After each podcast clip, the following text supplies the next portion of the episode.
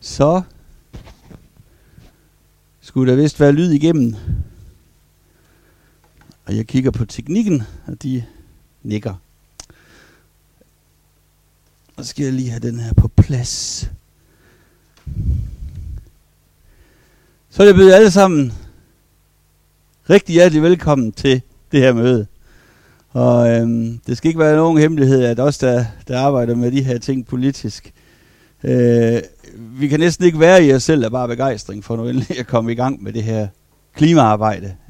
Alle har hørt, alle har snakket, og alle har en holdning, og nu er vi her. Og øh, hvis man sådan kigger ud over samlingen, så kan man jo godt påstå, at det ikke er, der er ikke noget talstærk øh, fremmøde her på Katedralskolen i, i dag. Øh, og øh, det er selvfølgelig ikke jeres skyld, for det er jer, der er her. Men nu skal I høre, vi har jo øh, fra forvaltningens side i hvert fald fået det lagt udenom håndbold. Øh, men vi har jo den spiller, der hedder Corona, og øh, den kunne vi så ikke komme udenom. Til gengæld, så har vi jo taget den nye teknologi til os. Og øh, som I kan se, så er der opstillet kamera, det betyder så, at vi øh, transmitterer via nettet til, til borgerne i, i Esbjerg Kommune, så alle i et eller andet omfang kan være med og høre og se, hvad det er, vi laver her i Ribe. Øh, for interessen er stort for, for det, vi har, har gang i i dag. Og øh, TV Syd er her også. Og det kommer til at give nogle forstyrrelser på et tidspunkt. Fordi øh, Niels og jeg, vi øh, kommer til at lave et, øh, et live-interview hernede fra. Øh, og de sender noget live hernede fra, fra mødet. Og øh, det giver forstyrrelser. Det er mig, der har givet dem lov til det. Så øh, hvis I vil brokke over det, så er det mig, der kommer til at foregå til. Men jeg synes, det er vigtigt, at vi viser, at vi også er her. Også når de er her. Så, så derfor, så lige pludselig, så, så kommer der til at ske noget andet herinde. Og så er det bare det. Men i hvert fald, øh, så øh, har vi glædet os meget til, til at, at komme i gang med den her lille række på, på tre møder, vi skal rundt på, Øh, for at få gode idéer og god inspiration. Det er jo virkelig sådan den her gang, at vi kommer ikke med, med de færdige løsninger. Vi kunne rigtig godt tænke os at få idéerne øh, fra jer i forhold til fremtidens øh, klimaindsats her i Esbjerg Kommune. Øh, fordi det er... Hvis der er en ting, der er sikkert, så er det, at der, der er brug for, at vi alle engagerer os øh, og står sammen om en fælles ambition.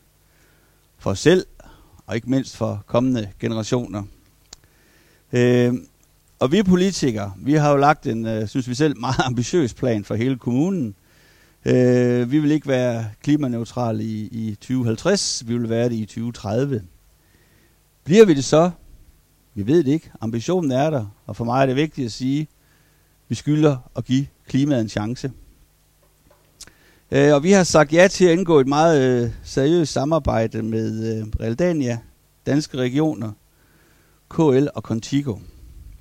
Og målet er at lave en klimaplan, der lever, op til øh, internationale standarder, som er givet af de øh, 40 største byer, C40. Formålet er selvfølgelig for vores vedkommende at bidrage til øh, Paris-aftalens målsætninger om, at temperaturen helst ikke skal stige med mere end halvanden grad. I Esbjerg Kommune tror vi på, at vi sammen har noget helt særligt at byde på. Og når det gælder, så øh, står vi sammen. Og derfor har vi sat barn højt. Og øh, som sagt, så er det jo allerede om otte år, vi håber på at kunne blive CO2-neutrale. Vi tror også på, at øh, et fokus, der er skarpt rettet mod øh, CO2-neutralitet i øh, 2030, kan betyde muligheder for vækst for vores virksomheder, for kommunen som helhed. Øh, og selvfølgelig også for alle os borgere på, på den lange bane. Tjup. Det er den her, jeg leder efter. Bup. Dup. Øh, og i aften så... Øh, nu skal jeg lige se, hvor langt jeg kom. Bup, bup, bup.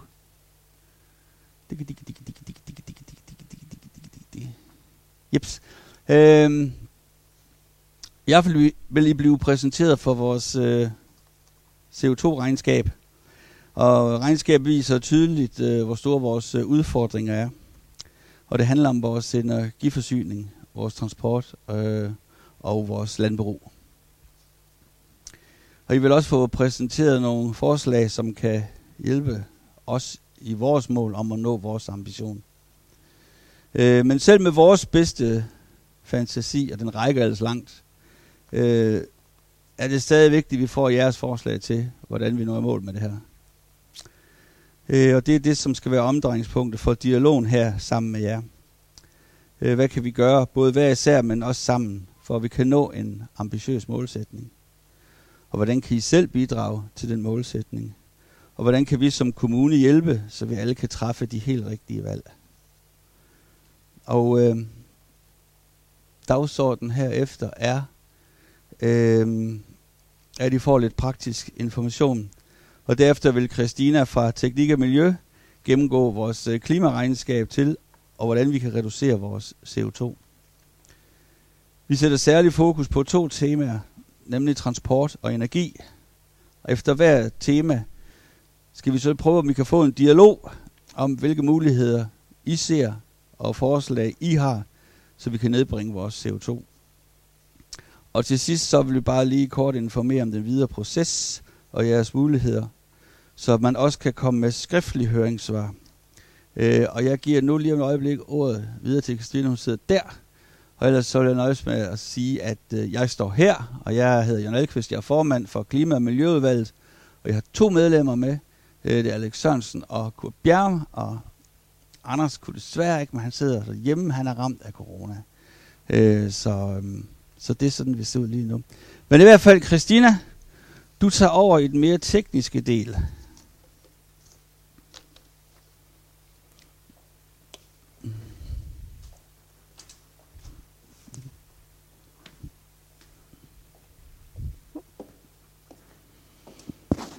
Ja, tak skal du have. Øhm,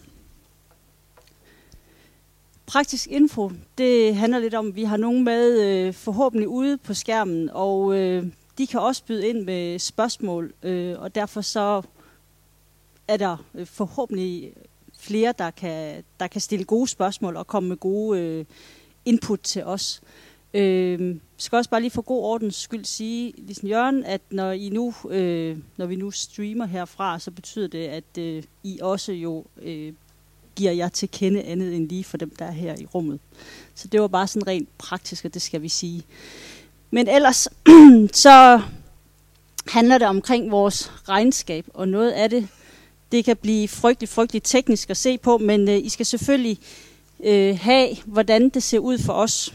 Og lige for at understrege pointen med, hvorfor det er, at vi er ude til borgermøder og også hele tiden forsøger at række ud, det er, Esbjerg Kommune kan reelt set ikke flytte særlig meget CO2.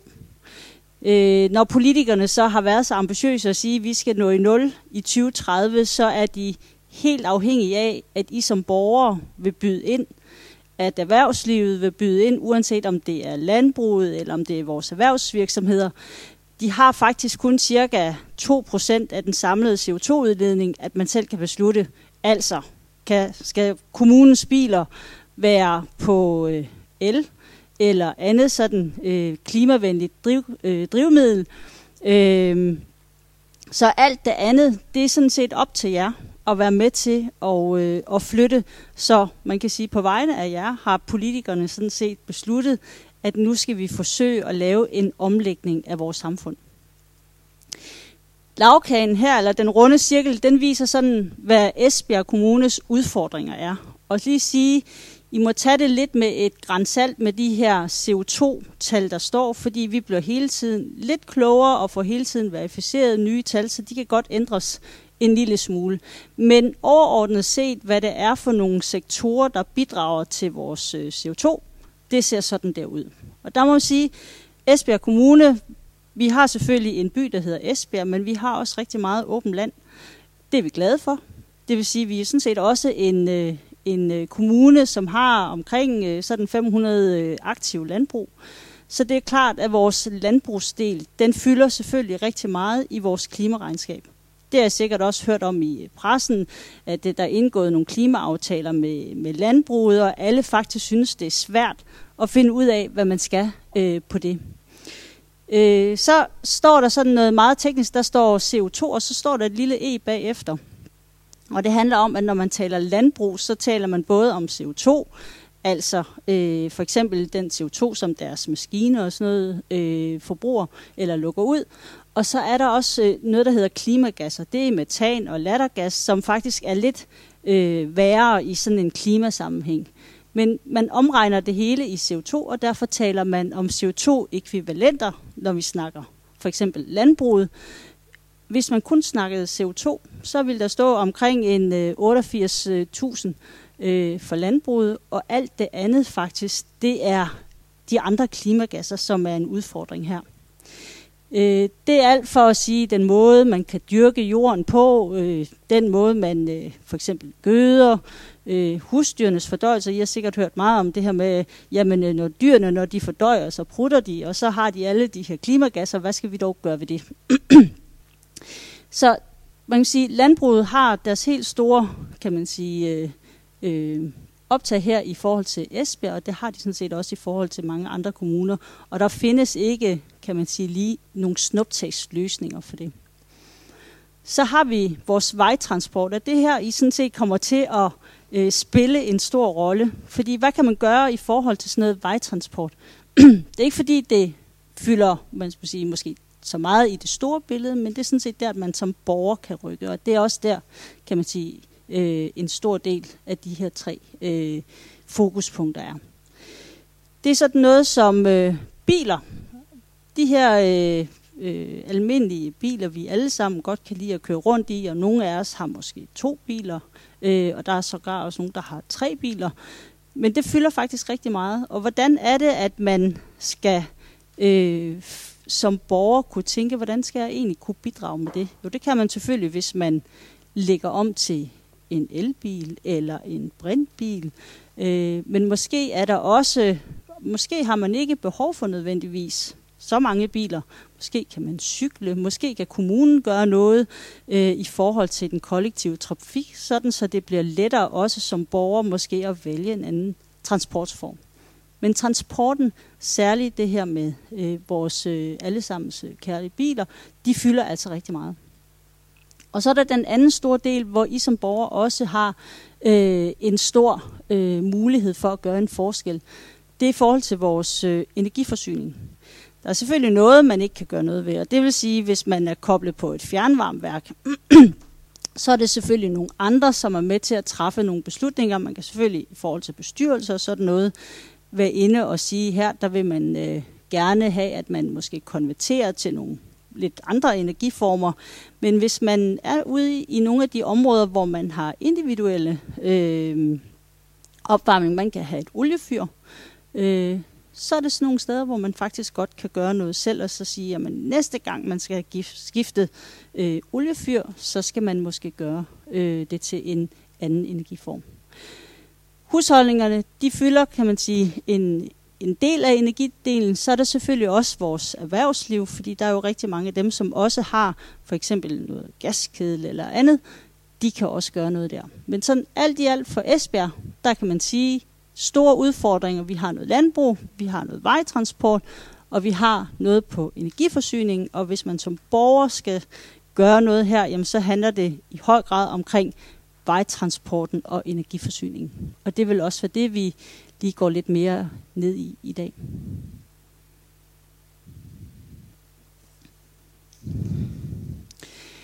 Så blev der sagt sådan lidt, at øh, vi kommer ikke med alle øh, svarene her, det gør vi bestemt ikke, men vi kommer med nogle bud på, hvordan vi kommer noget af vejen.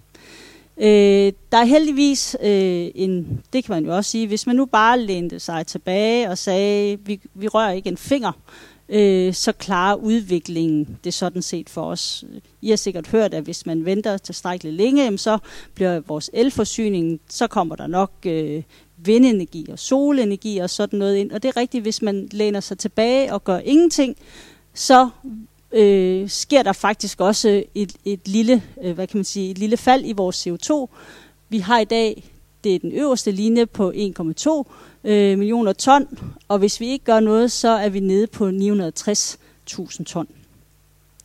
så er det sådan, at der heldigvis, øh, kan man sige, vi har hjulpet en lille smule på vej, fordi der allerede er truffet nogle politiske beslutninger om, hvad vi skal gøre. Øh, i har sikkert hørt øh, omkring fremtidens fjernvarme.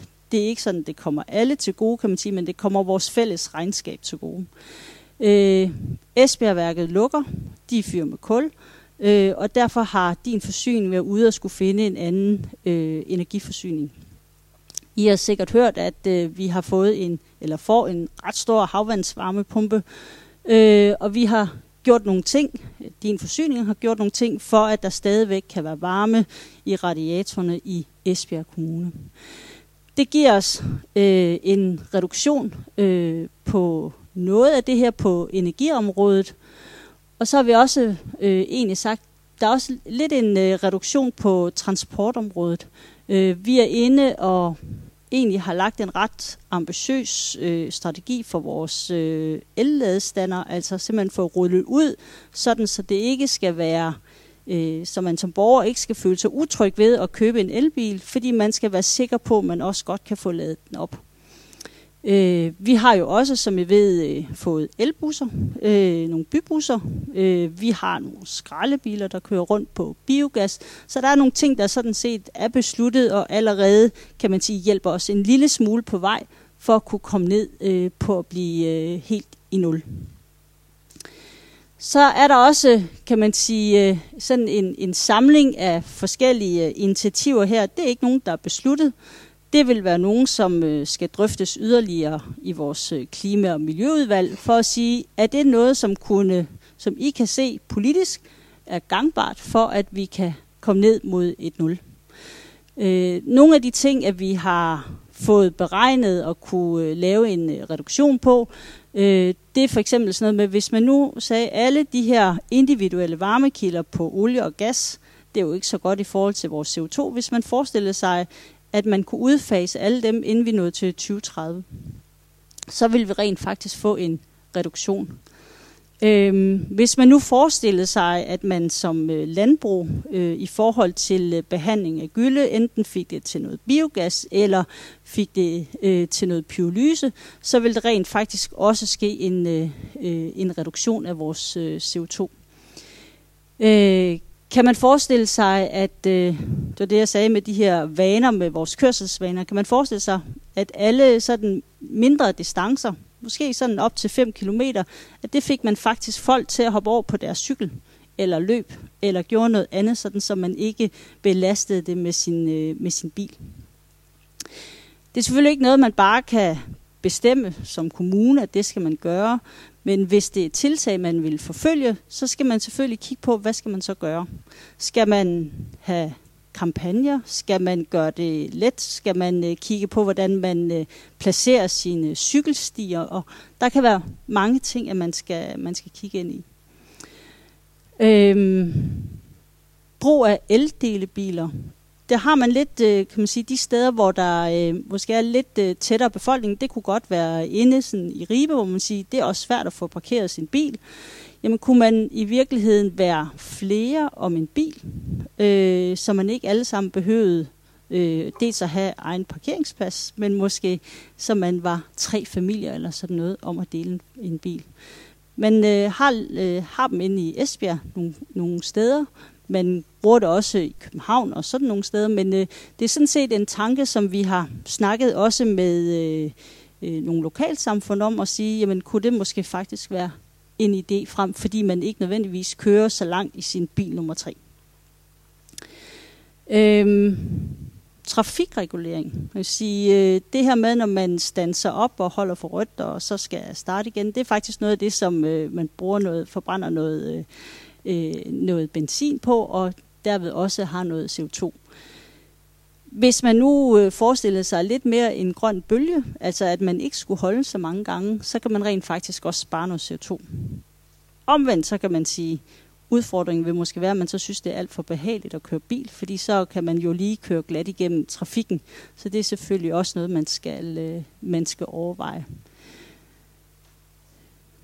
Men man kan sige, uanset om de så valgte alle de her tiltag, så vil man stadigvæk have 318.000 ton, at man skulle finde en, øh, nogle tiltag på. Så der er brug for, at I som borger, øh, selvfølgelig også virksomheder og landbrug, men i hvert fald at I som borger også byder ind og siger, hvad kunne man overhovedet forestille sig, at man skulle arbejde med øh, som selv. Det er egentlig bare for at illustrere, man kan sige, vi har de her 1,2 millioner ton, som vi øh, skal gøre noget ved i dag. Udviklingen gør lidt for os, sådan så vi kommer ned på 960.000 ton.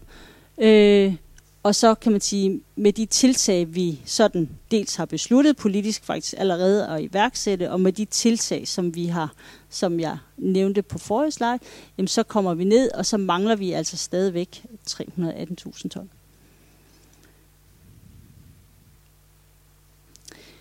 Så har vi været lidt øh, rundt sådan at sige, jamen hvad kunne man så forestille sig, at man skulle gøre ved det? Øh, fordi det, der er øh, hele humlen i det her, det er at sige, når vi har bundet os op på at lave den her klimaplan, så skal vi faktisk kunne anvise en vej helt til vi når i nul. Øh, og det som Jørgen sagde, de har så været ekstra ambitiøse at sige, nu har vi ikke, kan man sige, nogle ekstra år, altså til 2050, på at finde en vej. Vi har sådan set kun til 2030. Øh, og derfor så skal vi jo være kreative i at finde ud af, hvordan kan man overhovedet få det her til at hænge sammen. Et af tiltagene, det hedder filtrere CO2 fra forbrændingsanlæg. Det er selvfølgelig ikke noget, man som borger kan beslutte, men man kan sige, at halvdelen af det varmegrundlag, som der er i øh, din forsyning, altså på fjernvarmesiden, den består sådan set af varme fra affaldsforbrænding. Og det er jo rigtig fint, fordi så får man udnyttet den varme, der ligesom er. Men når man forbrænder affald, så ryger der også noget CO2 op af skorstenen. Det har I måske hørt fra andre. Øh, og det vil sige, selvom det er en god proces, og selvom man genbruger den varme, man får lavet, så laver man faktisk også noget CO2. Øh, man snakker rigtig meget om lige nu at prøve at fange den der CO2, som kommer op fra forbrændingsanlægget, og så sige, den bruger vi til noget andet, sådan så den ikke bare kommer til at blive sluppet, øh, sluppet fri. Det vil være en mulighed, og det vil være, kan man sige, også noget, som, øh, som øh, egentlig er en realistisk mulighed selvfølgelig er altid nogen, der skal betale for det her.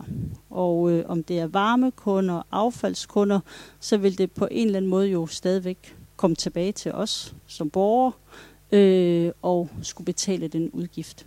Så der er selvfølgelig ikke noget af det her, der er, øh, kan man sige, ikke kommer til at koste penge på den måde.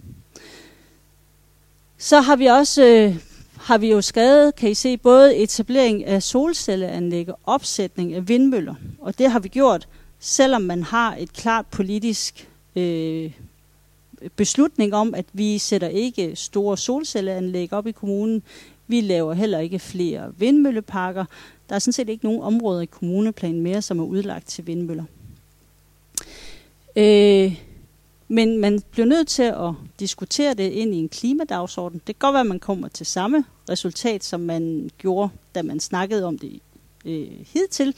Men man blev nødt til at snakke om, hvis man skal ind og snakke vindmøller, hvordan vil øh, borgerne så kunne acceptere det? Handler det om, at vi ikke skal have de der gigastore vindmøller, og de der vindmøller, som bare fylder rigtig meget?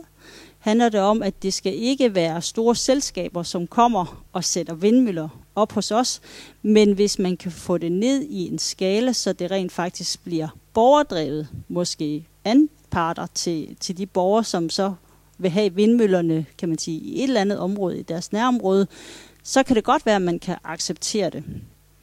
Det er jo sådan noget, man bliver nødt til at diskutere, og også rigtig gerne få en fornemmelse af, hvad, hvad I tænker omkring det. Øh, og det samme egentlig i forhold til solcelleanlæggene. Der er et klart politisk øh, hvad hedder det, beslutning om ingen solceller på jorden, altså store solcelleanlæg, ingen vindmøller, men kunne man forestille sig det i en skala, sådan så det blev vedkommende for de borgere, som boede der, og så det rent faktisk var borgerne, der fik glæden af det, og ikke, kan man sige, et eller andet virksomhed langt væk. Så når vi snakker transport, så bliver vi også nødt til at sige, det er ikke, der er ikke nogen lette løsninger her. Men Øh, man kan sige, jo lettere det er for os at køre rundt i vores biler, øh, jo mere er det måske også sværere bare at lægge den vane fra os. Øh, kan vi gøre et eller andet for at fremme den kollektive trafik, så det er den, øh, man øh, egentlig øh, vil vælge som det første? Kunne man øh, tænke sig, at man kunne bruge bymidterne til noget meget bedre, end at bare have biler der, fordi de fylder også lidt. Øh, det vil hjælpe på, kan man sige, på klimaet, men det vil kræve, at man som jo både handlende og som borger i byen vil skulle øh, tænke anderledes. Så kan jeg ikke bare tage min bil lige derned og handle, som jeg, som jeg plejer. Øh, vil man kunne få øh, folk her i kommunen til måske i højere grad at køre sammen? Øh, vi drøftede det lidt i udvalget og sagde, at det er egentlig meget rart at sidde i sin bil selv. Så har man lige en halv time, inden man kommer hjem til familien og kan øh, sådan lige koble af. Man kan også nå at ordne nogle forretninger og sådan noget. Men kunne man godt øh, begynde at tænke anderledes, så det rent faktisk også gav værdi at køre sammen. Så man måske kunne øh, faktisk drøfte nogle ting, øh, og så få noget, noget samvær der også. Så sådan noget vil også være det, som er vigtigt, at man, øh, det kan man ikke bare beslutte inden fra et rådhus af, men det er jo noget af det, som man skal have noget opbakning til fra, fra borgerne. Øhm, så er der selvfølgelig også det, det er jo ikke bare jeg, der kan beslutte det, men øh, nu har vi fået bybusserne til at køre på el. Øh, det næste var jo, at man diskuterede, jamen, hvad med nogle af de der regionale ruter, øh, hvad med noget af den kørsel, man, øh, man bestiller via kommunen, kunne man også sikre det, at det var i nogle biler, som var, øh, som måske var, var på el. Øh, og så er der jo hele den der tunge transport, altså lastbilerne. Det er jo ikke fordi, vi i kommunen ejer særlig mange lastbiler. Øh, men hvordan kan vi hjælpe til, at øh, når I nu øh, bestiller varer, eller når I nu køber ind, så de lastbiler, der kommer og leverer varer, øh, hvordan kan vi på en eller anden måde sammen prøve at lægge et pres på, så de faktisk øh, begynder at tænke anderledes, øh, de her virksomheder. Øh, Øhm, der er jo rigtig mange af dem, som egentlig går ud med en bæredygtighedstanke. Korp øh, snakker jo rigtig meget omkring det her. Hvordan kan vi som borgere og vi som kommune faktisk være med til at understøtte det her? Øh, nogle kommuner har faktisk været inde og analysere og sige, at vi skal have nogle transportcentre, og når så bliver alle varer leveret der, og så derfra, der skal man faktisk aflevere øh, med nogle mindre biler på el, og det gør måske også faktisk, at man kan øh, levere varer midt om natten, eller meget, meget tidligere om morgenen, fordi de så ikke larmer. Øh, det kunne være en af vejene, og øh, jeg har måske også hørt, at der kommer en virksomhed til, øh, til kommunen, som gerne vil lave noget brændstof øh, til de her øh, lastbiler. Det er selvfølgelig også noget, som man som kommune kan hjælpe med, og måske på den måde skubbe noget udvikling over. Og så har vi træer. Man kan sige, øh, I har også noget skov omkring øh, Ribe. Vi har også noget marsklandskab, som helst ikke skal plantes til at træer. Men skovplantning, eller skovrejsning, er selvfølgelig et af de midler, som også er for at kunne optage noget CO2. Det giver også noget værdi til, øh, til borgere. Der er noget rekreativt omkring det. Øh, det var også en af de veje, man kunne gå. Det behøver ikke at være kommunen, der skal plante skov. Det kunne jo også være et initiativ, man havde i et lokalråd eller lignende sag. Det kunne vi sådan set godt tænke os, og det kunne være vores bidrag til øh, at få noget CO2 ned. Ja. Det er øh, ofte sådan lidt svært lige at forholde sig til, hvad er CO2 egentlig? Øh, og det her det er bare for at prøve øh, og sætte det sådan en lille smule i perspektiv. Et kilo CO2, det svarer til, hvis man kører 8,5 km i sådan en almindelig benzinbil. Lige flyve 30 sekunder, øh, så har du brændt øh, et kilo CO2 af. Øh, men så kan man noget andet. Øh, man kan noget i en elbil, en elbus, og så kan man jo også cykle. Også cykle lidt længere afstand, hvis man så får sat lidt el på sin cykel. Øh, men vejtransport, det er svært, men vi skal gøre et eller andet, og vi skal gøre det sammen. Det er det, jeg sagde.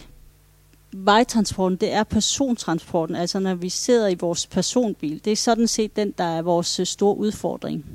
27 procent, kan man sige, af hele den kage, I så, der handlede omkring øh, transport, den handler omkring persontransport. Så man kan sige, hvis vi skal flytte noget her i kommunen, så er det altså den der persontransport, som jo i virkeligheden er den mest behagelige for os alle. Det er let, og øh, man kan sige, der er i hvert fald kommet flere og flere biler. Øhm, men det skal vi finde ud af, hvordan i alverden kan vi få rykket på de her vaner. Er man villig til at rykke på vaner, og hvad skal man øh, så som kommune faktisk sørge for at kunne understøtte jer med, for at I vil træffe et andet valg. Det er vi i hvert fald meget nysgerrige på, fordi som I kan se, det er vigtigt, at vi får rykket, kan man sige, noget af den transport over. Lastbiltransporten, den fylder ikke, kan man sige, så meget i billedet, men dog alligevel 15 procent i forhold til vejtransporten, øh, som samlet set. Og det er der, jeg siger, vi har heldigvis nogle virksomheder, som er begyndt at vise vejen måske på at lave noget bæredygtigt brændstof. Vi kigger lidt ind i, om vi som kommune på nogle af de øh, lidt tungere øh, biler, vi har her, om vi også kan, kan udskifte dem, sådan så vi kan være med til at vise, hvordan kan det egentlig gøres, og at man måske så tager lidt øh, øh, nogle af de her prøvebiler, sådan så øh, vi kan være med til at skubbe til, til udviklingen der. Busserne, det er jo fordi, vi har en del busser, der går, kan man sige, øh, også ud over kommunegrænsen, som jo ikke er blevet elektrificeret. Øh, og det er øh, klart også et øh, opmærksomhedspunkt, men jo ikke noget, som I som borger kan gøre så meget ved, men det er jo politikerne, der skal kigge og prøve at aftale det, kan man sige, i de busselskaber, de sidder med i. Ja. Så spørgsmål, dem vi også, øh, vi har lavet et, øh, nogle spørgeskemaer for egentlig at få nogle øh, input ind til, hvad vi kan præsentere for politikerne, øh, når vi skal prøve at lave sådan en sammenhængende plan for dem. Det er at sige, hvilke alternativer til vores biler kan I selv se jer I øh, benytte i fremtiden? Øh, er vi ude og skulle understøtte meget samkørsel, at vi er ude og skulle prøve at understøtte noget eldelebil. Øh, skal vi prøve at gøre folk mere vant til at cykle på de der elcykler? Øh, er det elbil? Er det hybridbiler? Øh, hvad er det, der skal der kan være med til at, at, at rykke jer? Det er egentlig den første del omkring transport. Spørgsmål? Øh, og også rigtig gerne, kan man sige, nogle refleksioner over, hvis I tænker, det her det er bare slet ikke os. Det her kunne måske godt være os. Men så er det vigtigt, at øh, I måske sørger for sådan og sådan inde i kommunen.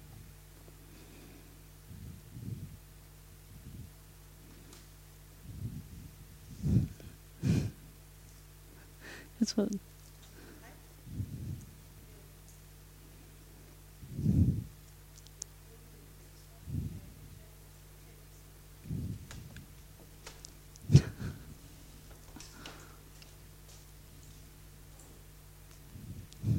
Hallo.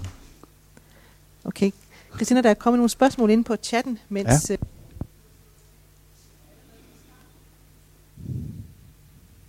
allerede fra starten var der nogen, der spurgte ind til, da du nævnte uh, transport, landbrug og energi, så var Melanie på banen og gerne ville spørge til, hvorfor du ikke spørger, uh, hvorfor du ikke nævner noget omkring byggesektoren. Du får den, Christina. Det er jo ja. vist et, et teknisk spørgsmål, så stiller jeg mig lige ja. over.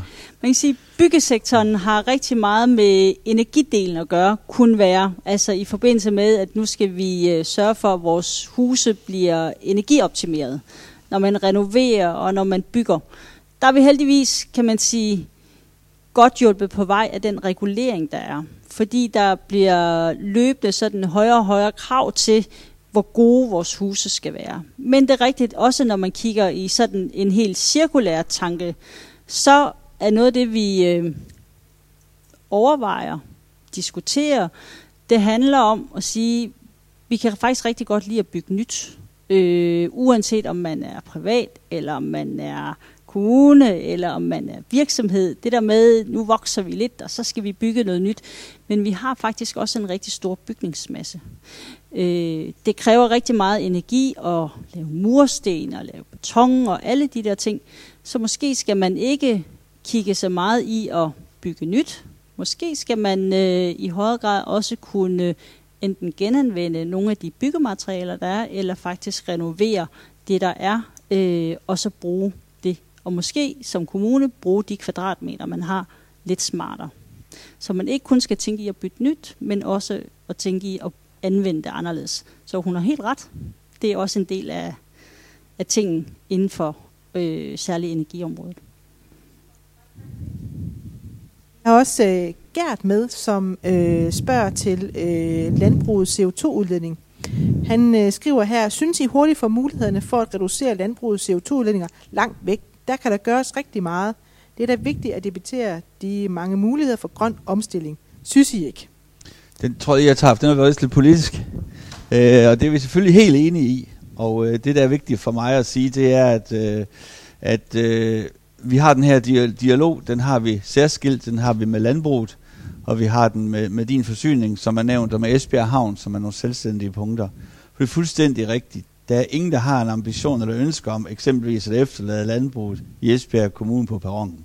Det her det bliver en dialog, og jeg er sikker på, når vi kommer i gang med den, så vil der være, øh, så vil der være øh, modkrav fra landbruget ind i det politiske system, som vi så kigger på at løse den vej igennem. Det er meget vigtigt for mig at understrege.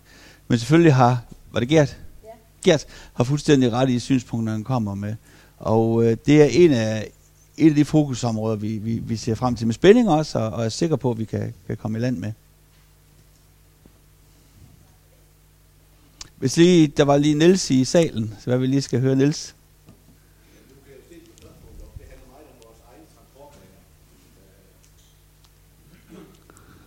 Du kan se på spørgsmålet op, det handler meget om vores egne transportvaner osv. Øh, og Christina, du nævnte jo nogle forskellige ting. Øh, den ene af dem, du nævnte, øh, det var blandt andet jo øh, busser. Øh, og det er jo rigtigt. Det er jo ikke noget, vi som øh, borgere umiddelbart har indflydelse på, men jeg synes godt, at man kan sige, at, øh, at øh, Sydbus, hver gang de sender, laver et nyt udbud, så bør det være elbusser. Det, det krav kan man jo godt stille. Øh, og, og i og med, at øh, det bliver stillet til alle, så er der ingen konkurrenceforvridning i det. Så det er i hvert fald en af tingene. Det næste er, som man har arbejdet på i Esbjerg Kommune også nogle år, det er sådan en nærbane øh, imellem de større byer i Esbjerg Kommune. Den, det tror jeg vil hjælpe utrolig meget til, at jeg i hvert fald selv lige vil hoppe ind i sådan en nærbane, ligesom hvis man er i København med et S-tog. Ikke? Altså så ved man, jeg finder ikke nogen P-pladser alligevel, så jeg hopper ind i den der. Mm. Det tror jeg, man skal understøtte. Og så kommer jeg til at tænke på også, de fleste af os, når vi går hen og øh, skal have repareret vores bil, så får vi stillet en lånebil til rådighed. Øh, der kunne man jo godt måske lave en aftale med nogle af, af, af forhandlerne og reparatørerne og sige, at den vi får stillet til rådighed, det bliver en elbil. Øh, fordi det gør også, at vi vender os til at køre i den. Øh, så der, der vil ligge flere ting i det, tror jeg. Øh, fordi nogle af de ting der, synes jeg da også, det er fantastisk. Men hvad er det lige, der skal få mig til det? Altså, øh, jo, klimaet og alle de ting der. Men, men jeg synes, altså, øh, tit og mange gange som mennesker, så regner vi jo også besværlighederne op. Øh, og og der, tror, der tror jeg, vi skal have nogle gode eksempler. Øh, så jeg tror, det vil være en af dem. Og for, hvad Ribe angår, og det nævnte du også, Christina, det var sådan en omladecentral. Det har været diskuteret i Ribe i mange år at øh, man rent faktisk godt kunne etablere en omladecentral, så vi kunne slippe for. Det vil komme både byen til gode, miljøet øh, og en masse andre ting, hvis man har en omladecentral uden for byen. Så det var der, varerne blev læsset af. Og når så man skulle have dem ind i byen, jamen så foregår det med elbiler. Jeg har faktisk tilbage i år, nogle år øh, siden snakket med, det var Arla øh, plus nogle andre, de sagde, jamen hvis I vil lave det, så tror jeg godt, vi kan finde ud af finansiering. For den tid, det tager os at ligge og køre rundt ind i Ribe, mm. og det er bøvl det kunne godt være, at øh, det tidsmæssigt vil være bedre. Også i forhold til det, som du nævnte med, at man så kan, øh, kan gøre det om natten. Så øh, jeg, jeg synes, der er mange af de der små ting, som samlet set vil give et godt resultat. Tak. Jeg, jeg er glad for, at du, du får lov til at svare på den med busserne. Øh, den var sådan lidt mere teknisk karakter, men ellers har vi jo også i udvalget tænkt på, eksempelvis den taxakørsel, der foregår for Esbjerg Kommune, hvorfor der ikke er et krav, at det øh, foregår på el. Det kunne vi lige så godt gøre. Og så kan vognmanden også komme og sige, kære venner, det vil vi godt, men så vil vi altså have en længere kontrakt, eller et eller andet, og det er noget af det, vi blandt andet skal bruge øh, tiden til frem på sommer, til sommerferien, og finde ud af, hvordan gør vi så det fremover. For selvfølgelig skal, skal vognmændene have en, en investering. Det er vi enige i. Det med letbanen, det er jo en gammel drøm, vi har haft, der kunne køre hurtigt frem og tilbage med noget, der ikke, der ikke er så voldsomt som, som det, vi ser at køre med i dag. Og det vil være en kæmpe lettelse for en pendul mellem øh, Esbjerg Nord, eller var det måske eventuelt, det ved jeg ikke, og til Viding og frem og tilbage, og, og, så, og så køre på den måde. Så den er jeg helt med på. Og den med omladningen uden for byerne og køre ind, eksempelvis i Ribe har vi jo altid drømt om, at man lavede op på Nørremarken. og så eksempelvis, I kender de her, vi så i gamle dage på banegården, de der elbiler, der kørte, eller i lufthavnen, sådan en lang vogn, der kommer ind med ting. Så fantastisk, fantastiske forslag. Du skulle lige svare på noget med bussen, tror jeg.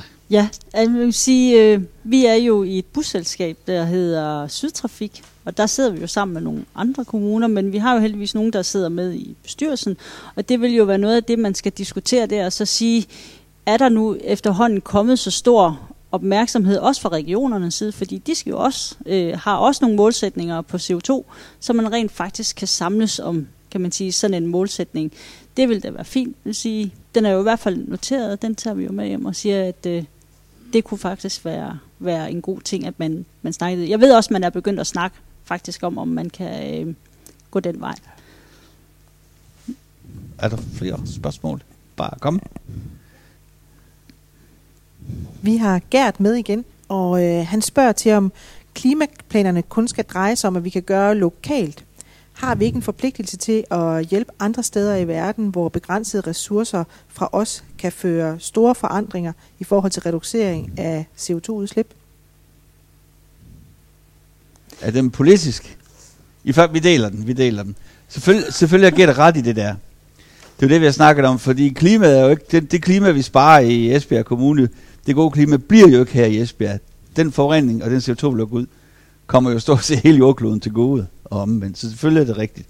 Men vi har også haft en drøftelse af, hvad nu hvis eksempelvis der kommer virksomheder til Esbjerg, der laver et meget stort CO2-aftryk for at fremstille ting og sager, der kan nedbringe CO2 øh, andre steder. Hvordan lægger man sådan noget ind i et regnskab? Eller skal vi på forhånd sige nej til den slags virksomheder? Så vi har debatten rent politisk.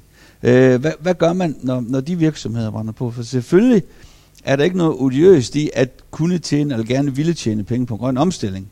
Altså, det, det, det bør ikke afskrække os i hvert fald. Så, så selvfølgelig er det jo vigtigt, at der også er en guldråd og form for indtjening, i form for erhvervsliv, for at få alle de her ting med.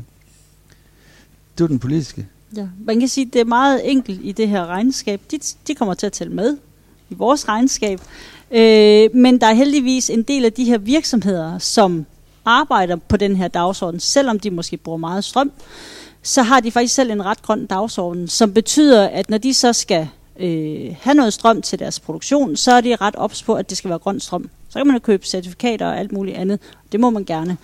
Øh, og så man kan sige, der, der ligger ikke nogen i, kan man sige, i det her C40 øh, koncept, øh, at man skal også ud og gøre noget, kan man sige, for tredje land. Øh, øh, eller sådan. Men man kan sige, at Esbjerg Kommune, de arbejder jo med de 17 verdensmål. Øh, og i og med, kan man sige, at vi også måske er med til at drive noget udvikling, komme med noget ny teknologi, der kan gøre tingene bedre andre steder, så kan man sige, så påtager vi os jo sådan set også en forpligtelse der, og den kan man jo skrue på, hvis man vil politisk, og så sige, vi vil indgå en øh, venskabsaftale med nogen, og så være sådan meget konkrete ned i det, øh, eller gøre det på en anden skala.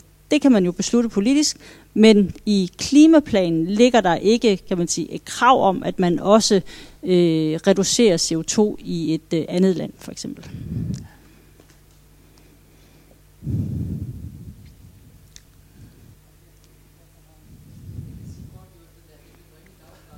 Jeg tror, jeg skal gøre det alligevel, og det er hensyn til fjernseerne. Kunne man forestille sig at udvide den?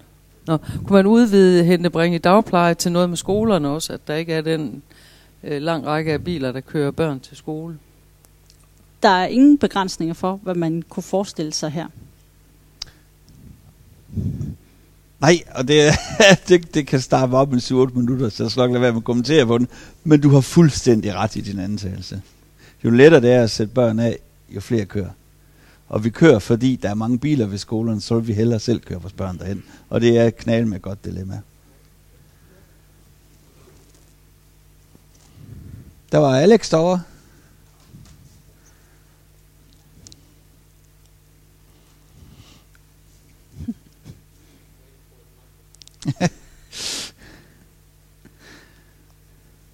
Alex Sørensen. Og jeg sidder også i øh, Klimaudvalget.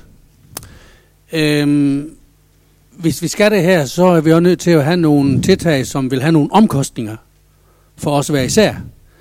Og øhm, jeg har faktisk flere gange, øh, også i udvalget, snakket om, at øh, det irriterer mig faktisk nogle gange, at vi har alt det gadelys tændt.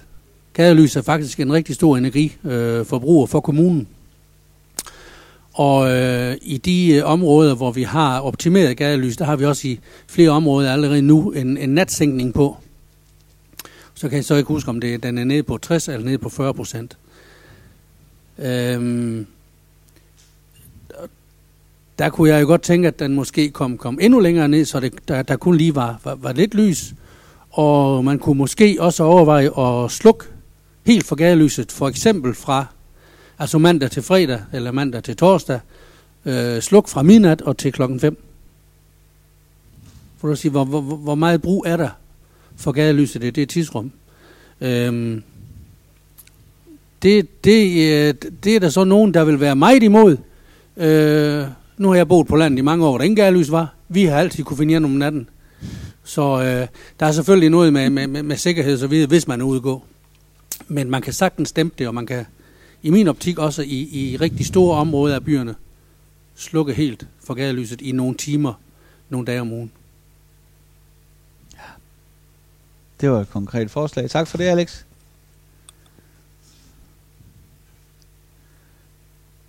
Og skal vi lige se.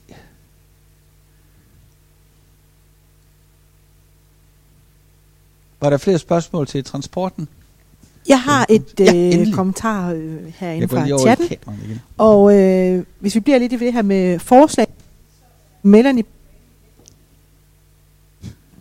hun øh, har et forslag om øh, citybikes, som de har i London, hvor man for eksempel kan lege en cykel og afleveres flere steder i kommunen, også i hver enkelt by. Øhm, og lidt i samme, eller ikke i samme stil, men hun har også et spørgsmål omkring det her med byggeri igen. Kunne det tænkes, at Esbjerg Kommune stiller krav til alle nybyggerier, max x antal CO2 per kvadratmeter? Den sidste, det er noget, du ved noget om. Den med cykler, den er skrevet ned, kunne jeg se. Den ligger lige til højre benet. Øh, super. Man kan sige, øh, politisk har man øh, diskuteret, hvad man kan stille af krav. Øh, man kan sige, øh, der kommer noget lige om lidt i bygningsreglementet, som øh, alle skal opfylde. Men det vi er en lille smule hæmmet af, det er, at vi kan ikke øh, stille krav, kan man sige, ud over hvad der følger af planloven, altså i- til lokalplaner. Øh, og det er dem, der bestemmer byggeriet. Øh, men man kan måske gå lidt langt. Vi har snakket om, hvis det er os selv, der bygger, ikke øh, når øh, borgeren bygger, men når vi selv bygger, jamen om vi så øh, skal pålægge os selv nogle øh, yderligere krav. Nogle har måske hørt om noget, der hedder DGNB-certificering, men i virkeligheden at prøve at sige, skal vi selv øge øh, vores klimabevidsthed omkring det, så er der man diskuteret lidt øh, politisk og sige, jamen der hvor vi selv udbyder, kan vi så i virkeligheden lægge nogle områder ud til nogle særlige klimabyggerier. Det kan man jo, hvis man selv ejer jorden og skal, skal videre sælge den. Så øh, det er i hvert fald noget, man, øh, man drøfter, øh, og man også vil komme til at beslutte noget omkring. Så. Vi har også øh, Thomas, som øh, kommenterer lidt på det her med, at kollektiv transport ud i alle hjørner kan være svært at gøre lønsomt. Øhm, og han snakker også om el- og hybridkøretøjer. Og det er netop det aktualiserer både behov for lavet infrastruktur og el. Så slutter han af med et spørgsmål. Er vindmøllebeslutningen til diskussion? Øhm, nej, det er den sådan set ikke. og dog alt er jo selvfølgelig politisk diskussion, men jeg er sikker på, at vi rent politisk har givet hinanden håndslag. Jeg, jeg går ud fra, at det, de, øh, det er, at han mener, de, øh, vi har udpeget de områder, der i dag er til, øh, til vindmøller. Og indtil videre, så er det altså dem, vi står fast på rent politisk. Og det gør vi af hensyn til, øh, til al den debat, der har været om, omkring, øh, omkring vindmøller. Øh, I gamle dage, der havde vi, jeg tror, vi havde en 18-19 stykker, og nu er vi nede på en 3-4 udpegede områder til, til vindmøller. Og, og det er nok der, hvor vi må erkende, at øh, de landbaserede vindmøller øh, har nået et maksimum i, i Esbjerg Kommune. Til gengæld, så er der jo en anden lille drillepind i omløb, hvis man ser sådan på den. Nemlig den husstandsbaserede vindmølle. Det er jo noget helt andet, og, og, og den kunne man jo tage og kigge på, hvis man så det her. Men de store, de store øh, vindmølleparker, dem, øh, dem har vi nok sat en, en grænse for. Oh, der var lige en forsvind her, så vi lige.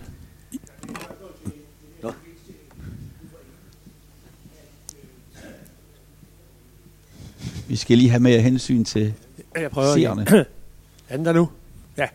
Men øh, et spørgsmål om de store vindmøller, øh, og det var du inde på, det drejer sig også om finansieringen af det. Ikke? Øh, hvis borgerinddragelsen var noget større, og overskuddet gik lokalt, du også var inde på, så ville det se helt anderledes ud. Og det har man ikke rigtig undersøgt, fordi nu er øh, skemaet, at det er de store finanser og investorer, der bygger møllerne. Og ikke kun, øh, ikke kun øh, de, de små husstandsmøller, men også øh, de store kunne bygges af, af egen finansiering. Altså, det, det er jo fuldstændig korrekt, at øh, vi gamle dage havde de der 20.000 kroner sandparter i de lokale møller, og så kunne man bedre leve med, med, med, med forstyrrelserne, fordi man selv havde overskuddet af det på den. Men jeg ved, ikke, jeg ved ikke, og det ved jeg ikke, og det kan selvfølgelig være, at det er noget af det, vi skal kigge på, om, om vindmølleindustrien er oppe i en sådan størrelse, at, at øh, almindelige private investorer ikke kan komme med. Eller er det bare noget, jeg tror, at kunne man godt lave en finansieringsmodel, så der er flere, der er med, så den mølle, der blæser og forstyrrer mig, er mit overskud. Det tror jeg vil have en, have en helt anden, og det er hele den grønne omstilling, øh, biogas og alle andre ting. Hvis man kan være med i det, så kan det være, at man har en anden, en anden holdning. Nils? Ja, jeg vil godt lige vende tilbage til den der transport, øh, der er imellem øh, vores byer her. Nu, I dag der er det Arriva, der ligger og kører frem og tilbage med et eller andet øh, dieseltog. Øh, jeg har to spørgsmål til det. Den ene, det er, tæller den i vores regnskab i Esbjerg Kommune, øh, den øh, dieseldrevne tog, som Arriva benytter sig af? Nummer to er, hvilken indflydelse har vi på at sige til Arriva, vi vil gerne have, at I går over til eldrevne tog. Jeg ved, i dag øh, kan man få batteridrevne tog, om øh, man er ved at skifte ud nogle steder, og de fungerer fantastisk. Så det var egentlig de to, to spørgsmål. Jeg kan ikke svare på dem teknisk, men jeg kan love for, at Christina skriver dem ned, fordi det var meget interessant, især den sidste med, med, med deres tog. Igen, noget af det, jeg fortalte om før i forhold til de vognmænd, der skal ud og, og, og købe nyt materiel, og hvis, hvis det så er på nationalplan, at de skal, øh, at de skal have lov til at udvide koncessionen så længe, så det faktisk er en forretning for dem. Så det vi må kigge på. Og det tæller med. Øh, også, øh, man kan sige, også busser ind og ud tæller også med. Øh, I princippet også, hvis vi havde øh, noget fly, tæller sådan set også med. Men der er på nogle af de her, og det er ikke noget, som øh, vi bestemmer, men det er den måde, man har valgt at lave regnskabene på, så er der nogle af dem, som egentlig bare er landstal, og så får man en andel af det ud. Der er også noget skibstransport i det. Så øh, selvom det ikke kun er, hvad kan man sige, øh, ting, der bliver inde i kommunen, så kan vi godt øh, få en andel af det. Men det er ikke os, der sidder og laver de regler. Det, man har lagt sig op af den øh, nationale metode at lave regnskab på, og alle kommuner her i Sydjylland laver faktisk øh, regnskaberne ens. Og derfor så kan man sammenligne sig lidt med, øh, med vores nabokommuner.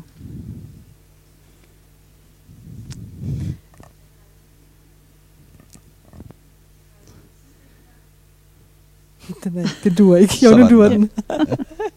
det er Gert, som kommer med et forslag, og han øh, skriver her, at de lægger mere vægt på samarbejder mellem kommunens mange aktører, mellem børn og unge, voksne, mellem by og land, mellem private og offentlige aktører, så det ikke bliver for meget det enkelte menneske, der selv skal finde idéer og tage ansvar. Mm. Øhm, hvis jeg lige skal dele den op, så er det selvfølgelig det enkelte menneske med til at finde idéer. Det er det, vi beder jer om. Men det skal måske ikke være det enkelte menneske, der som, og det er lidt farligt at sige, men det skal, måske ikke det enkelte menneske på den måde, der skal tage ansvar. Men vi tager alle sammen ansvar for det, vi selv gør. Men i forhold til at redde kloden, er det måske en stor mundfuld. Jeg, for, jeg forstår godt hans øh, kommentar. Øh, og jeg synes faktisk, den er, den, den er væsentlig. At, øh, hvordan, jeg kan ikke sådan lige på stående få øh, slynge mig ud af den her. Men jeg synes, det var det, det, det er vældig godt øh, en pointe, han kommer med. Hvordan er jeg både ansvarlig for min egen handling, og ikke har ansvar for det hele? Hvordan har vi det i fællesskab? Og hvad kan jeg byde ind med? Hvornår er det mig selv, Jørgen Elkvist, der skal, der skal rydde op, og hvornår skal jeg bidrage til fællesskabet i forhold til at gøre det? Hvis jeg har forstået det rigtigt. Så synes jeg faktisk, det var, det var vældig fornuftigt. Og hvis der andre, der har et andet bud på, på det, der blev sagt fra ham, så... Øh, Annette? så skal vi lige med over. For jeg skal prøve at høre, fordi jeg, jeg hører selvfølgelig én ting i det, der bliver sagt. Altså det, det, jeg kommer til at tænke på, når jeg hører det, det er, at, øh, at, at det kunne være rart, hvis man var sammen om at finde ud af, hvordan man skal gøre. Hvordan det enkelte menneske tage, skal tage ansvar. Altså sådan, så vi støtter hinanden i det alle sammen, og at vi hjælper hinanden mm. med at tage ansvar. Så, så har du kombinationen af det, af det personlige ansvar og så det fælles ansvar. Mm. Super god betragtning. Kunne I komme med Ja, endelig, endelig, Christian. Man kan sige, den måde, som vi øh, hidtil har forsøgt at gribe nogle af de her spørgsmål an på, det har faktisk også været i samarbejde. Det, vi har indgået nogle forskellige partnerskaber, og det skal netop øh, dels vise, kan man sige, den der ydmyghed over, at vi kan reelt set kun bestemme over cirka de der 2% af vores CO2. Så vi kan kun gøre det, hvis nogen vil hjælpe os.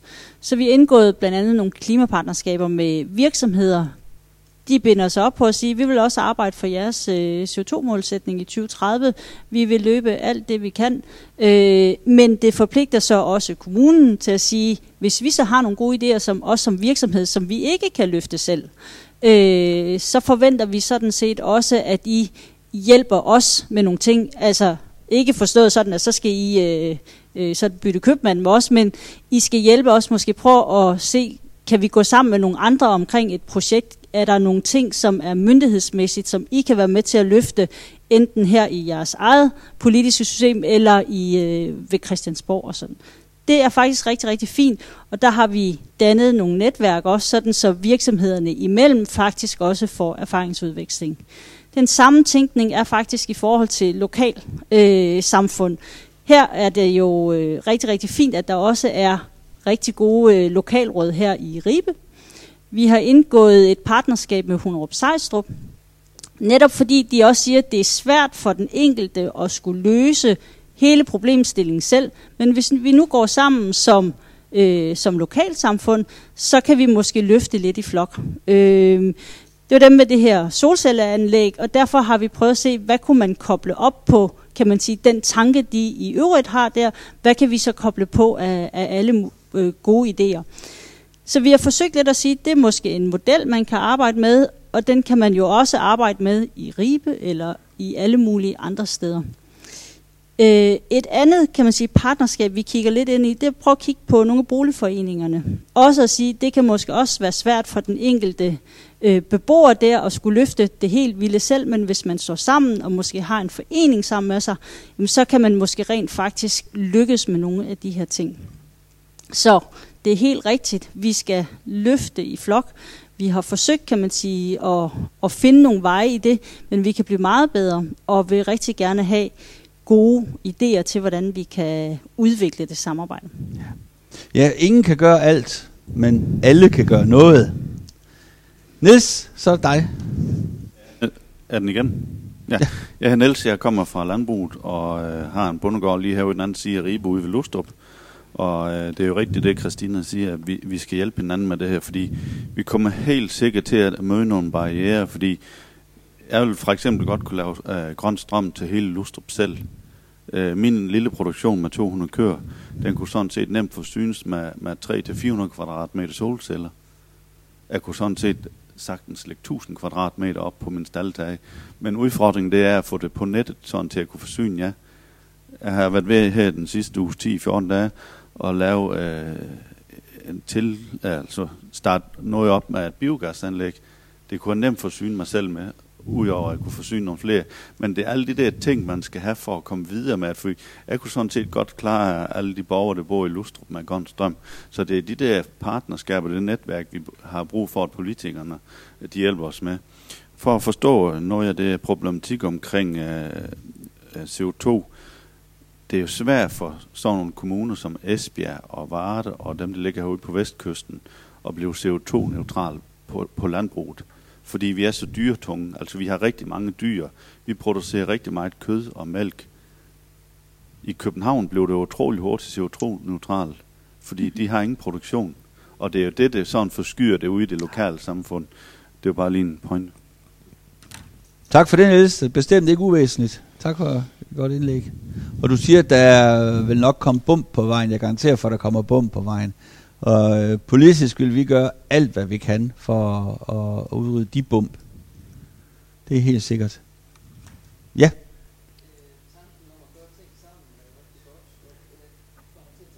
Lige, vi skal lige tænde mikrofonen, skal du se.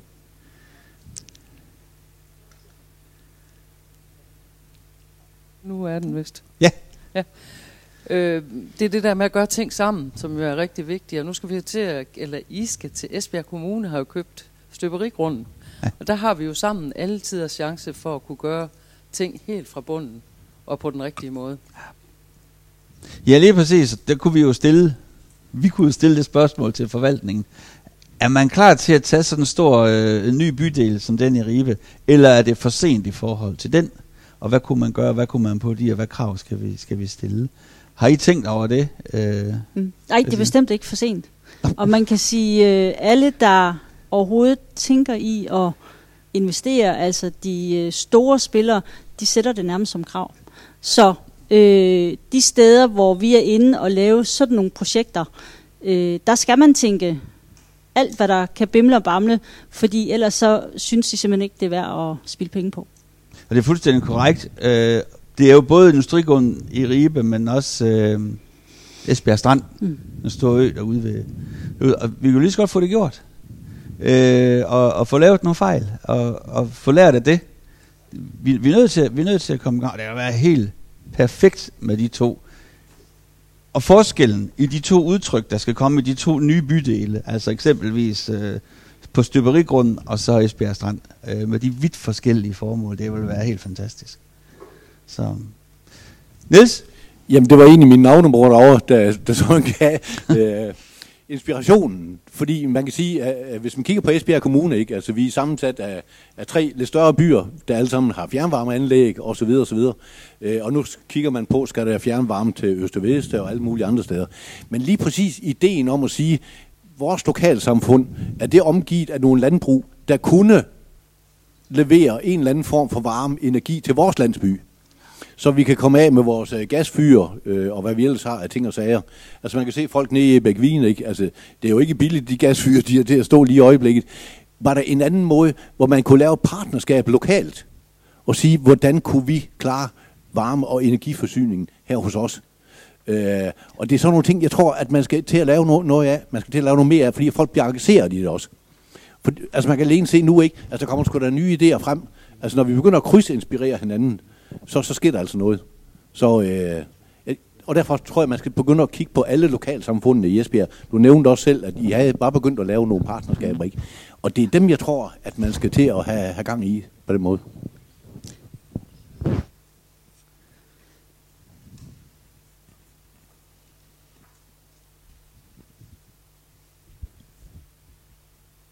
Der er bare lige et øh, forslag her fra øh, Melanie, som efterspørger øh, skolehaver, der giver børn gode oplevelser med at dyrke grøntsager, og det vil opmuntre til grønne vaner i forældrenes haver.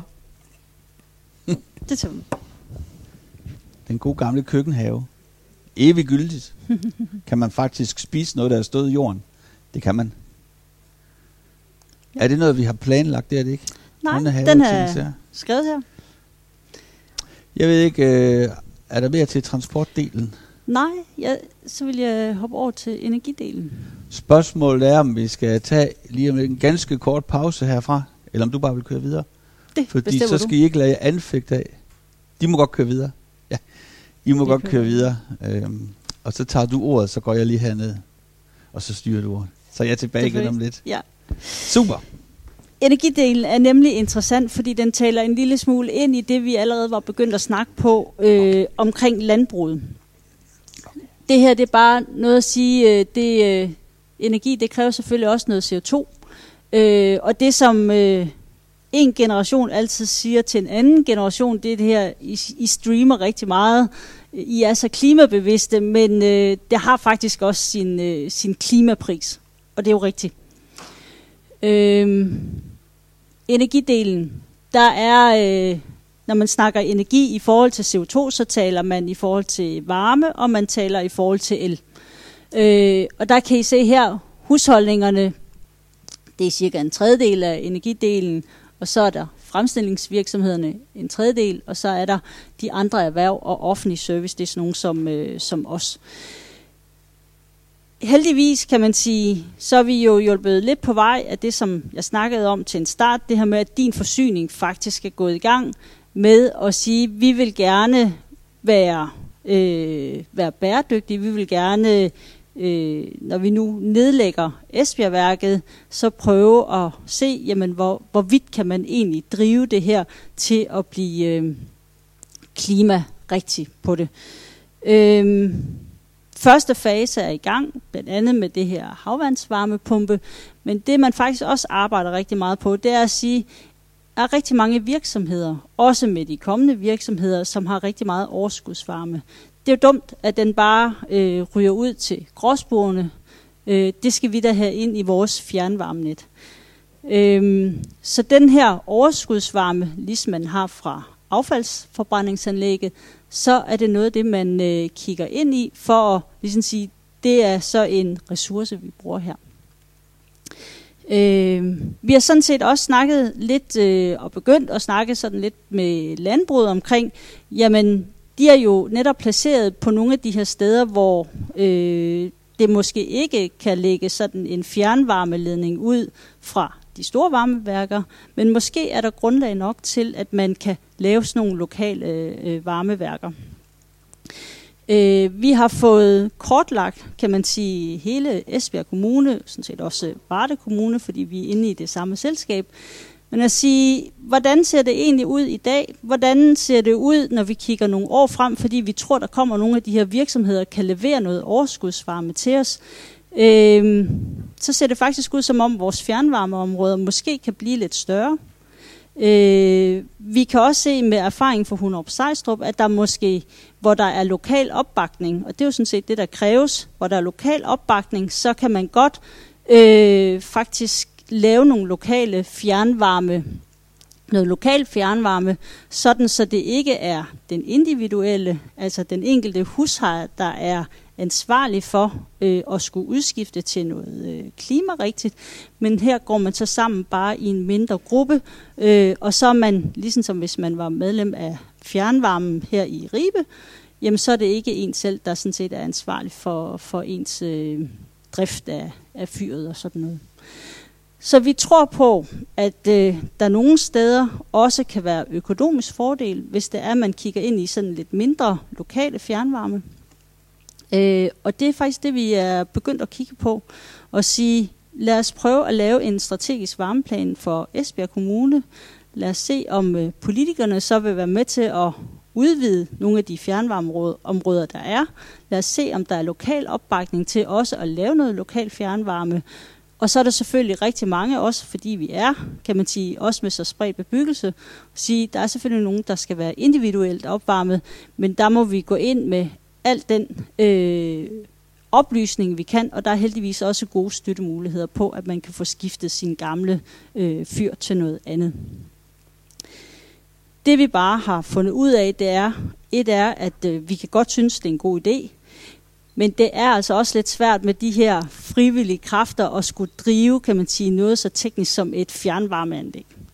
Øh, det er man ikke øh, nødvendigvis den bedste til, og kunne man måske optimere vores, øh, øh, både vores viden og vores ressourcer omkring det, hvis vi øh, enten på tværs af vores fjernvarmeværker, øh, eller måske bare et af fjernvarmeværkerne, havde som fokus at sige, vi er faktisk inde og støtte både med viden og know-how, øh, og måske også at kunne lave driftsaftaler på det her. Så er det endnu lettere, kan man sige, for, øh, for borgerne at sige, ja, vi kan godt se os ind i noget lokal øh, varme her, hvis det ikke er os, der skal stå med driften af det hele, eller den økonomiske risiko på det. Øh, vi tror på, at det kan noget. Også øh, det der med, at vi er fælles øh, og går sammen. Øh, og måske også kan øh, give landbruget en anden øh, platform, faktisk for at, at dels at give noget tilbage til øh, lokalsamfundet, men selvfølgelig også at få noget igen. Øh, vi møder i hvert fald en øh, velvillighed fra landbruget til at sige, det var måske en ny rolle, øh, de godt kunne tænke sig at tage. Øh, og det synes jeg da, at vi skal få udforsket sammen. Men det kræver, kan man sige, at der er nogle lokale borgere, som synes, at det her kunne være spændende, og øh, vi så ikke bare selv går ud og laver en individuel løsning, men prøver at tænke os ind i, i noget fælles. Øh, har sagt, at det der solceller, det var ikke øh, det, man ønsker politisk med de her store solcelleparker, men man vil faktisk rigtig gerne se dem på tagene. Så øh, vi har i hvert fald fået som opdrag hos os at sige, øh, de kommunale tage, kan de i højere grad bruges til noget øh, sol, øh, solceller. Øh, det er vi ved at kigge ind i. Vi er også lidt ved at kigge ind i at sige, det er jo ikke altid, at øh, vi har brug for den el, når det er, at øh, solen skinner. Øh, øh, så kan vi på en eller anden måde være med til at lære det, vi får ned fra vores solceller. Det er spændende, øh, men der er i hvert fald en, en klar politisk tilkendegivelse om, lad os se, om vi kan udnytte de her tage noget bedre, og derfor ligger det også lige til højrebenet og, øh, og prøve at opfordre landbruget til det samme. Øh. Nogle af de spørgsmål, og det er også nogle af de spørgsmål, som der er i vores øh, spørgeskema. Øh, hvad synes I, at øh, Esbjerg Kommune egentlig skal kigge mere på? Taler vi omkring solceller? Øh, synes I, at det er fornuftigt at prøve, øh, at kommunen også er inde og facilitere og kigge på og få hjulpet borgerne til at få udskiftet de her olie- og gasfyre? De her kollektive varmeforsyningsløsninger, øh, det er de her i lokalområderne, måske sammen med noget landbrug. Solceller på bygningen. Øh, og så står der den der sådan etablering af mere bæredygtig strøm. Det var lidt af det her med vindmøllerne og solcellerne. Hvordan kan vi gøre det? Øh, samtidig med, at vi jo har en politisk beslutning om, at vi ikke skal have de store solcelleparker eller de store vindmølleparker. Ja, det tror jeg, det var det, var det sådan for, for energidelen. Jeg er helt stoppet nu.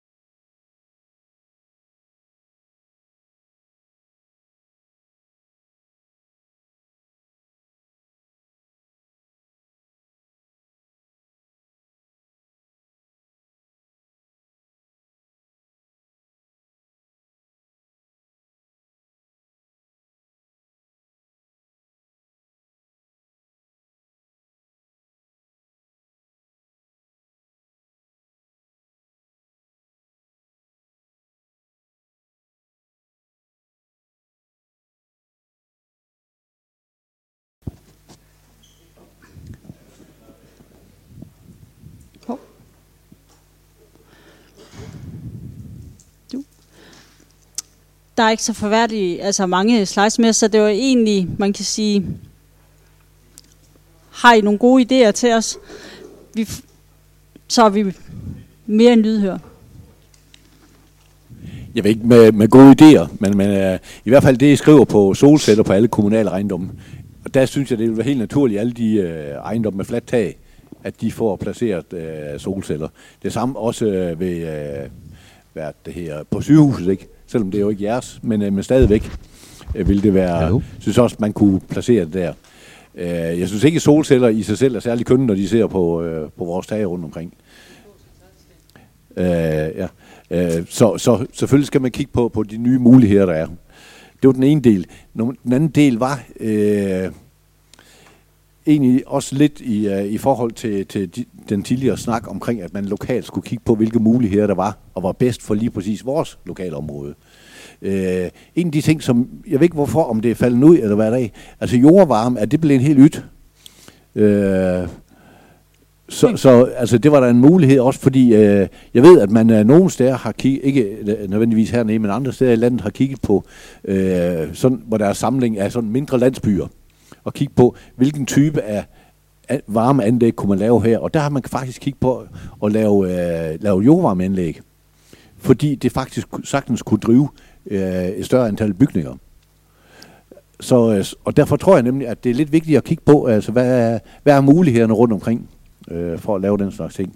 Og så øh, den med vindmøllerne. Jeg synes også, det er fint, at vi ikke har den placeret alle mulige andre steder osv.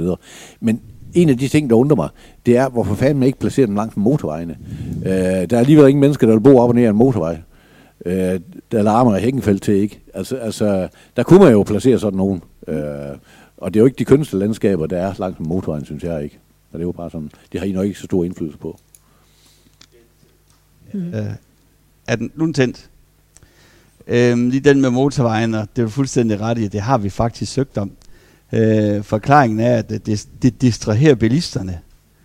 Øh, og så sidder man jo og kigger vindmøller, i stedet for at øje med trafikken på motorvejen. Det har i hvert fald indtil nu været, øh, været øh, statens holdning. Men jeg er da sikker på, Christina, at den skal vi da udfordre en gang til. Mm. Fordi der, du har jo ret i det. Man kan jo lige så godt lægge det der, hvor, hvor, hvor det skader mest. Så jeg ved ikke, hvor imponeret danskere stadig er for at køre forbi de her vindmøller, hvis de står. Så, så kunne de godt være der. Men uh, du har ret. Hvad siger du? I midterrabatten. så har jeg også et uh, sted til mine valgplakater. Ah, det var sådan lidt. Vi skulle videre. Var der mere på den Niels, du ville kommentere på? Han har ret i det hele. Ja. ja. Der er ikke flere. Men så er vi måske bare nået til øh, sådan næsten vejs ende. Øh, og så øh, lige, ja, det var bare sådan lidt, lidt sjovt også, fordi man siger, et kilo CO2, ja, hvad kan man selv gøre? Det her, det er, hvad det koster at producere. Øh, så kan vi kigge nok så meget på det omkring øh, vores fødevarer. Men øh, man kan sige, øh, hvis man nu taler til unge mennesker også, forbrug af tøj, det her med at kigge lidt mere i noget genbrug. Øh, man får ikke meget t-shirt for et kilo øh, CO2. Så, man kan alle sammen. det var fordi, det var så let med letmælk. Der var den øh, lavet.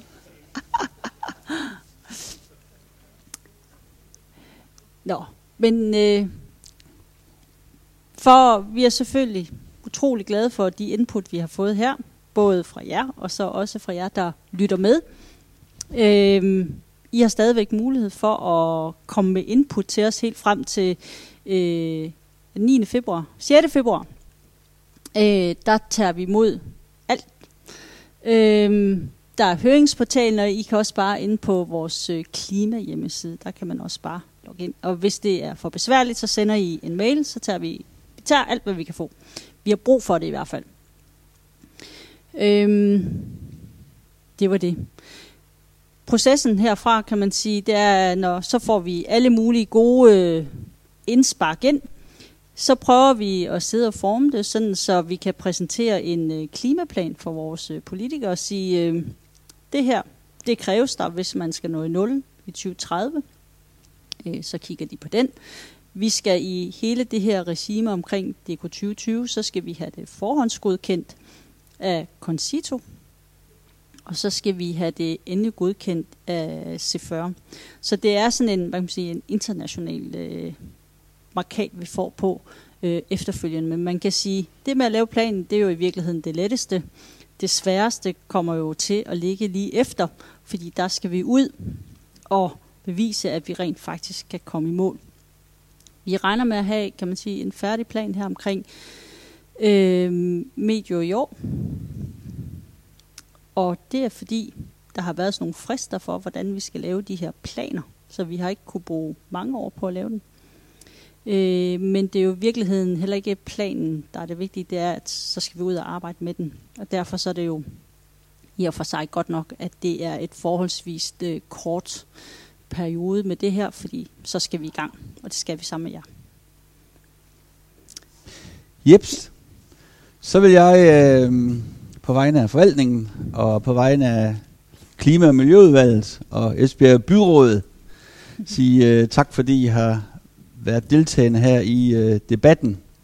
Øh, der kom rigtig mange gode ting og mange nye ting med, synes jeg, og det er, har for mig i hvert fald gjort, at det har været det hele værd. Øh, og skulle der sidde nogen ude ved skærmene, der kunne, kunne tænke sig at, at møde os live, så er vi jo øh, på Bramming Ejns Museum på torsdag, torsdag aften, og vi er på gågaden i Esbjerg lørdag formiddag. Og tid og sted og nærmere information kan man få på Esbjerg kommunens hjemmeside. Det var ordene herfra. Tusind tak for i aften.